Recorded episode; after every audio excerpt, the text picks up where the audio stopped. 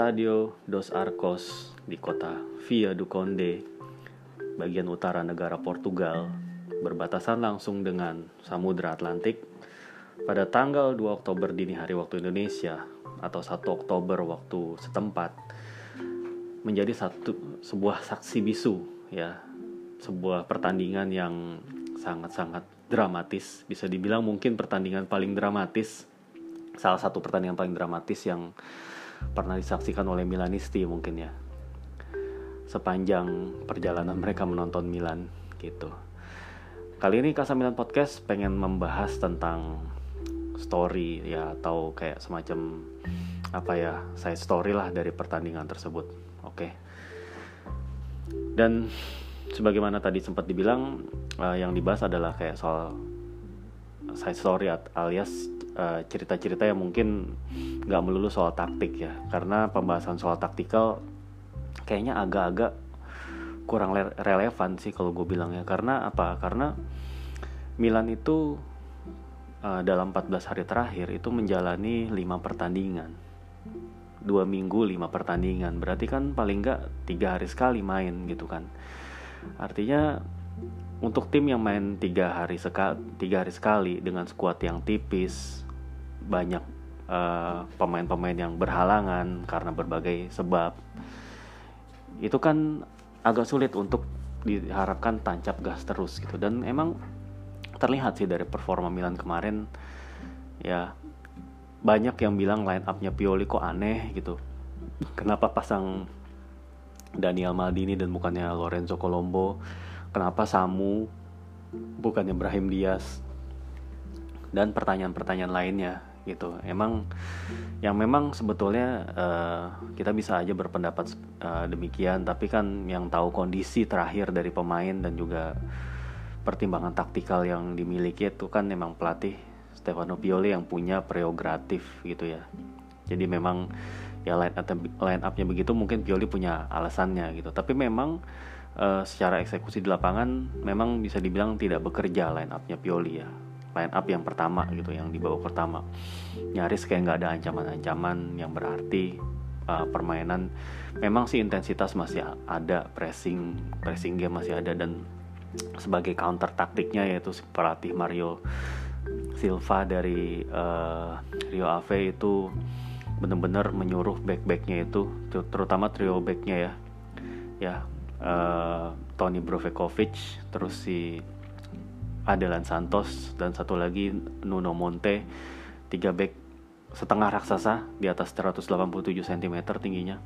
Itu untuk main disiplin banget gitu main yang compact ya uh, bener-bener ngejaga wilayah di situ. Dan tiga gelandang mereka ya uh, apa namanya si siapa namanya Tarantino terus si Felipe Augusto sama satu lagi uh, Diego Lopez ya itu bener-bener rapat juga untuk ngelapis tiga back itu belum lagi dua wing back. Ya dan penyerang Bruno Moreira juga cuma jadi kayak pemantul aja gitu bersama juga dengan si Lucas Piazzon gitu ya. Uh, tapi Rio Ave ini emang tim yang cerdik ya seperti halnya tim Portugal lain sih. Memang mereka tidak dihuni oleh kebanyakan wonderkid wonderkid yang zaman sekarang tuh banyak banget dari Portugal gitu. Tentunya kebanyakan wonderkid itu udah dijaring oleh scoutnya Porto, Benfica atau Sporting ya yang emang mereka lebih dikenal emang lebih apa ya lebih baik dalam menghasilkan pemain-pemain yang bagus gitu. Rata-rata pemain Rio Ave itu kayak sisaan-sisaan aja sebenarnya. Dalam artian pemain-pemain yang tadi dianggap berbakat besar tapi kemudian uh, fail to live up the expectation. Seperti pemain seperti Carlos Mane yang dulu dianggap sebagai promising juga di uh, Sporting Lisbon. Juga Lucas Piazzon yang waktu itu sempat dianggap juga pemain berbakat. Ya pas main di Chelsea. Sekarang masih milik Chelsea sih statusnya on loan gitu. Tapi pemain-pemain itu ditampung oleh klub Rio Ave dan kemudian ya tim ini masih tetap solid sih gitu. Meskipun mereka baru ditinggal Mehdi Tamiri ya yang dijual gitu. Mereka masih bisa mengandalkan Bruno Moreira striker gaek yang ternyata masih bisa berkontribusi gitu. Dan ini emang menjadikan pertandingan ini jadi nggak mudah buat Milan gitu. Ditambah lagi dengan cuaca yang dingin musim lagi musim gugur kan udah mau menyambut musim dingin. Itu dan anginnya kencang karena mereka kotanya tuh di pinggir laut gitu.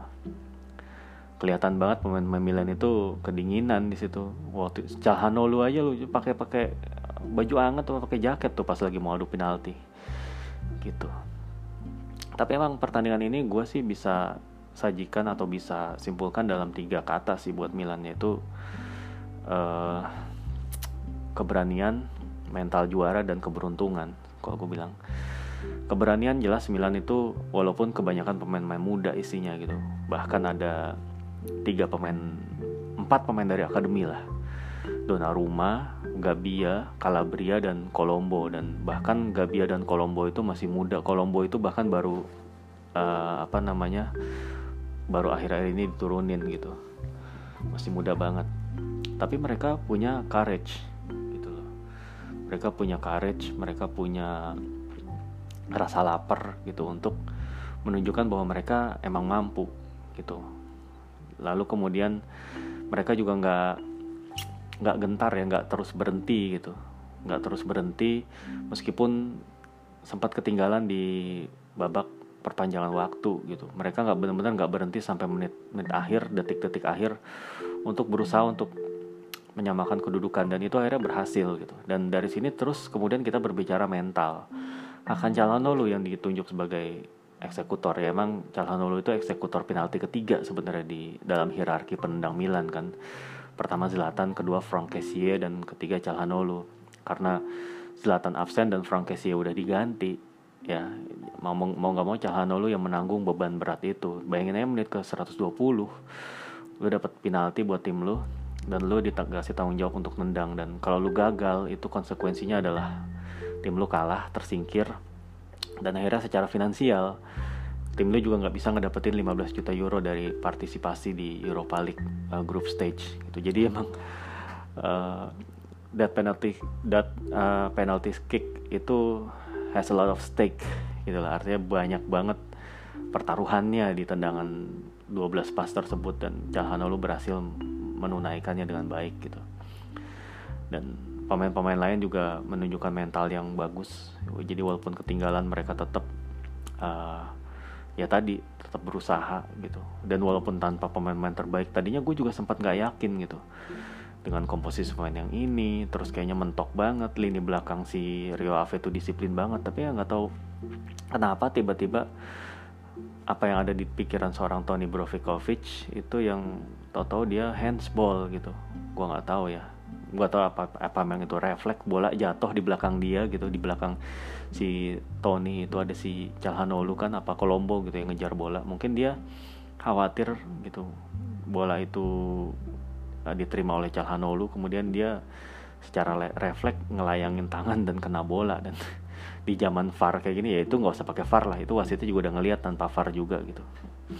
Itu langsung tanpa ampun dihukum penalti gitu. Dan Tibalah saat drama sungguhnya pada saat adu penalti di mana ada 24 penendang ya. Dari 24 penendang itu uh, lima orang gagal gitu. Dua dari Milan, tiga dari uh, si Rio Ave.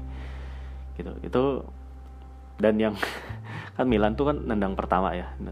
Kalau nendang pertama gagal itu kan uh, itu udah ngeri banget tuh penendang sebagai penendang berikutnya itu kan jadi beban. Eh sorry maksudnya gini kalau Milan itu kan dapat giliran nendang pertama gitu.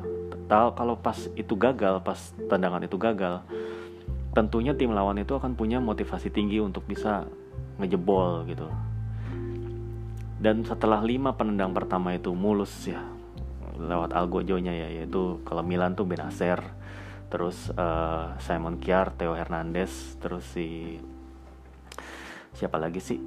Uh, pokoknya terakhir Hakan ya. Sebelum Hakan tuh siapa ya? Oh Brahim Diaz, Brahim Diaz terus Hakan menunaikan tugasnya itu kan tiba saatnya sudden death ya. Artinya sudden death itu kan kalau misalnya lu gagal, tim lawan lu berhasil, ya udah selesai kelar gitu. Nah di sudden death itu Milan tiga kali gagal gitu. Yang pertama yang pertama kali gagal itu kan si Colombo Lorenzo Colombo, anak dari Angelo Colombo, legend Milan eranya Arrigo Sacchi. Itu tendangannya melambung, kelihatannya kayak dia ya gitulah tegang lah. Namanya orang yang tegang. Itu kan jadi cenderung pengen nendang sekeras kerasnya aja gitu. Karena dia kurang pede. Tapi ya ya tendangannya sekarang saking kerasnya juga karena mungkin tekniknya juga kurang oke melambung jadinya gitu. Eh nggak nyangka padahal itu bisa banget sih Rio Ave menang. Tendangan berikut dari Rio Ave itu si Nuno Monte itu dua kali kena tiang men. Pertama kena tiang kiri terus Donnarumma kan bisa nebak arahnya tuh. Kena tiang kiri terus kena tiang kanan. Bolanya nggak berbelok masuk gitu dan nggak kena punggungnya Donnarumma juga. Gila itu kurang beruntung gimana coba ya? Nah terus gue pikir uh, abis itu kan terakhir Donnarumma yang nendang kan abis Donnarumma nendang melambung gue pikir aduh ini sih uh, keberuntungan Milan udah habis. Eh nggak taunya kipernya si Rio Ave si Pavel Brezek ya namanya. Pokoknya orang Polandia lah itu.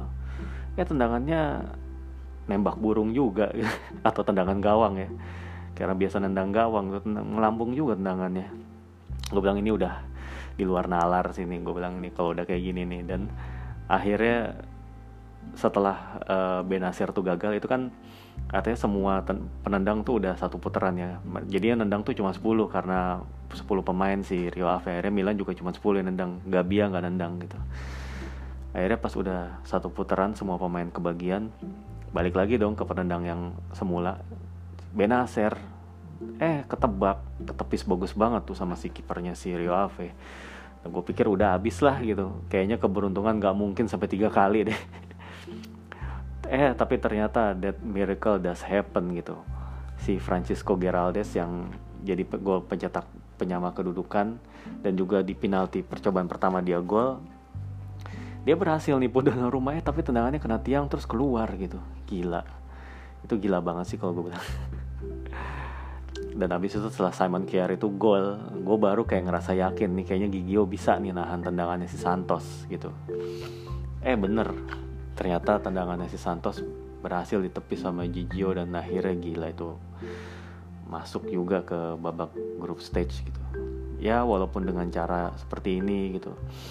Emang sih banyak catatan-catatan apa cacat catatan lagi catatan-catatan gitu yang perlu diperhatikan. Tapi kalau dari segi result ya mengingat persiapan tim mengingat, mengingat banyak yang gak available mengingat jadwal yang padat ya dan mengingat Milan juga main tandang itu sih patut disyukuri kalau dari sisi result. Cuman emang dari sisi proses ya. Proses cara bermain itu emang banyak sekali catatan. Yang walaupun catatannya itu kalau misal dibeberkan lagi ya bisa dimaklumi gitu karena uh, situasi-situasi tadi gitu. Emang Milan jadi kayak kurang tajam uh, ngepresnya juga kurang intens terus kemudian juga banyak pemain-pemain yang terlalu gampang out of possession atau kayak buang-buang bola, buang-buang possession ball gitu. Terus dipasangnya Daniel Maldini juga, di depan juga ternyata kurang efektif. Samu Castillejo juga lagi-lagi mainnya mengecewakan. Terus tambah lagi Frank itu cedera gitu kan. Dia kelihatan pas dia ditarik keluar diganti Tonali itu kakinya dikompres pakai es. Itu mengkhawatirkan sih sebetulnya. Ya. Jadi emang di tengah keterbatasan ini masih bisa menang menurut gue itu udah gila banget sih udah remarkable sih menurut gue. Jadi ya ini jadi rangkaian start bagus Milan tuh harusnya tetap jalan gitu. Jadi ntar kan weekend ketemu Spezia ya. Beruntung lawannya dalam tanda kutip cuma Spezia tim uh, promosi gitu. Tapi harus waspada juga karena Spezia walaupun sempat dikalahin Sassuolo 1-4 tapi bisa ngalahin Udinese 0-2 di Dacia Arena dan kemungkinan pas lawan Spezia nanti mungkin Frank Kessie cedera mungkin akan Tonali akan step in di situ. Dan Jens Peter Hoge mungkin akan bisa memainkan uh, debutnya di lawan Spezia nanti ya. Kita lihat aja kita tunggu aja. Karena Ante Rebic juga berhalangan gitu ya. Mungkin Jens Peter Hoge dapat kesempatan atau Leao dapat kesempatan. Colombo juga bisa jadi akan main nanti. Gitu sih artinya uh, dalam sepak bola itu emang nggak cuman adu taktik adu strategi, adu skill, tapi juga emang ada soal keberanian, ada soal mental dan juga keberuntungan. dan dalam hal ini semuanya tuh tiga hal yang tadi ke belakang disebut paling belakang tuh berpihak ke Milan sih. uh, kalau dari sisi teknis taktikal ya bisa dibilang Rio Ave itu sayang banget itu nggak lolos tuh mereka mereka juga mungkin harusnya ada di group stage gitu. Mereka punya kualitas. Walaupun kalau dari cara bermain gue gue nggak gue kurang suka lah dengan cara bermain tim seperti itu gitu. Yang sitting back yang apa ya yang kayak gitulah. Kebanyakan nunggu bertahan gitu. Baru kemudian nyerang balik. Gue kurang suka sih. Itu pers uh, personal preference ya. Selera pribadi aja gitu. Tapi memang mereka harus diakui mereka punya kualitas ya dan itu terlihat di situ di pertandingan itu gitu. Dan itu emang benar-benar Milan tuh kayak lolos dari lubang jarum lah gitu dari situ. Dan dari kelolosan inilah maknanya tuh sangat besar. Jadi uh, Milan ya mungkin masih bisa jadi beli pemain lagi entah itu back tengah ataupun gelandang tengah ataupun uh, sayap kanan ataupun penyerang. Jadi mungkin ada 3-4 pemain atau mungkin minimal dua lah datang. Entah itu back tengah dan gelandang tengah back tengah dan striker back tengah dan si apa namanya gelandang. Karena untuk pemain-pemain yang di posisi lain tuh ter, tergantung dari banyak hal gitu. Untuk ngedatengin gelandang perlu dijual lagi Rade Krunic Rade Krunic perlu pergi dulu. Untuk ngedatengin pelapisnya Theo uh, Diogo Laksal tuh harus dilepas dulu ya yang kondisi emang harus didatengin itu emang back. Jadi uang dari hasil penjualan Lukas Paketa akan digunakan untuk beli back tengah gitu. Karena emang itu urgensinya cukup tinggi ya karena posisi back tengah itu emang masih belum meyakinkan gitu. Cuman ngandelin Romagnoli dan Simon Kjaer doang nggak cukup. Karena ya kalau mereka berhalangan pelapisnya nggak sesuai, nggak nggak sepadan gitu. Terus begitu juga hmm, untuk penyerang, gua rasa perlu sih Milan mempertimbangkan untuk beli pemain baru untuk jadi pelapisnya Ibra karena ya nggak mungkin juga ngandelin Ibra terus gitu. Dan Ibra juga udah usianya 30 akan 39 uh, nggak uh, mungkin dia konsisten dalam sepanjang musim kayak bikin bisa di atas 20 gol ya mungkin aja sih. Cuman kayaknya it would be apa ya itu bakalan jadi too good to be true kalau Ibra bisa bikin do, di atas 20 gol gitu loh maksud gue uh, jadi kayaknya perlu mempertimbangkan untuk beli penyerang. Mungkin kalau Luka Jovic mau dilepas sebagai pemain pinjaman tuh bagus banget kalau dia bisa datang ke Milan gitu. Uh, sekali lagi emang soal drama emang ini jadi sisi menarik sepak bola ya. Jadi di balik pertandingan-pertandingan dramatis itu pihak yang jadi pemenang itu kan menjadi pihak yang lega banget sebaliknya untuk pihak yang kalah itu akan rasanya despair banget kayak gila uh, rasanya menyakitkan gitu. Contohnya pertandingan dramatis yang dimenangin itu kan contohnya lu lihat waktu Jerman ngalahin Ceko di Euro 96 contohnya lewat golden golnya Oliver Bierhoff itu kan dramatis banget. Oliver Bierhoffnya sebagai pelaku atau sebagai penentu dia girang banget. Sementara si kiper Peter Koba sebagai orang yang harusnya bisa nyelamatin tendangan Bierhoff dia langsung tertentu lesu gitu. Begitu juga Samuel Kufur lo mungkin inget mantan back Bayern Munchen Samuel Kufur yang waktu tahun 99 dia kayaknya yang paling sedih banget paling nyesel banget kenapa dia nggak ngawal si uh, Solskjaer itu dengan ketat. Akhirnya Bayern Munchen kebobolan yang lewat famous famous uh, 1999 Camp Nou itu akan dramatis banget. Begitu juga pertandingan seperti Istanbul seperti di Rose Bowl Pasadena yang melibatkan Roberto Baggio. Buat yang jadi korban alias yang jadi penentu kekalahan bisa dibilang atau jadi penyebab ya atau jadi pemain yang berperan karena uh, dengan kekalahan itu emang gak susah untuk dilupain dan uh, apa namanya dan buat pemain Rio Ave yang namanya Tony Brovikovic ya. Brovikovic apa sih susah namanya orang Kroasia itulah. Itu tentunya mudah-mudahan ya tetap semangat lah. Nggak ini dia kelihatan banget disorot banget pas dia nontonin teman-temannya adu penalti. Dan dia ngerasa bersalah banget kayaknya dia udah pasti dia ngerasa bersalah. Ya itu dan itu nggak gampang untuk dihadapin. Dan depresi bagi seorang pemain bola itu emang bener adanya gitu. Kritik-kritik dari media dari penggemar itu aduh itu bisa sangat menyakitkan bisa jangan bisa bisa jadi sangat berpengaruh terhadap si pemain gitu. Mental si pemain kesehatan mental si pemain lah. Gitu dan emang ya gue pribadi gue juga dulu suka main bola ya. Kalau misalnya lagi dalam turnamen terus kalah apalagi itu kalahnya misalnya gara-gara gue gitu wah itu nyesek banget emang. Lu udah dikasih dikasih tanggung jawab sama teman-teman lo sama pelatih lo untuk ngelit tim lo eh tiba-tiba lo gagal itu kecewanya tuh kecewa banget rasanya tuh. Dan itulah yang dirasakan oleh Rio Ave kayaknya. They could have been creating history by uh, by win against team like Milan gitu. Tapi ya emang bisa dibilang gue baru bi bisa bilang ini Milan benar-benar hoki banget beruntung banget terutama adu penalti bayangin aja. Dua kena tiang satu melambung. Gila itu nggak ada lagi kayaknya tim yang bisa kayak gitu sih kalau menurut gue ya. Ya anyway. Ya congrats lah. Selamat buat Milan selamat buat Milanisti semua. Nggak percuma rasanya deg-degan sport jantung seperti ini. Jarang-jarang juga kan ya. Dan semoga ini jadi good sign juga buat kompetisi yang bagus di Milan di Europa League. Ya nggak expect untuk juara sih nggak expect juga untuk konsentrasi full ke UEL tapi paling nggak kan kalau juara lumayan ya bisa lolos ke Champions League. Tapi kan paling nggak nggak realistis lah kalau untuk ngejar juara gitu. Karena untuk menjuarai Euro, Europa League itu pasti harus ngadepin tim-tim buangan dari Liga Champions yang pasti kualitasnya bagus.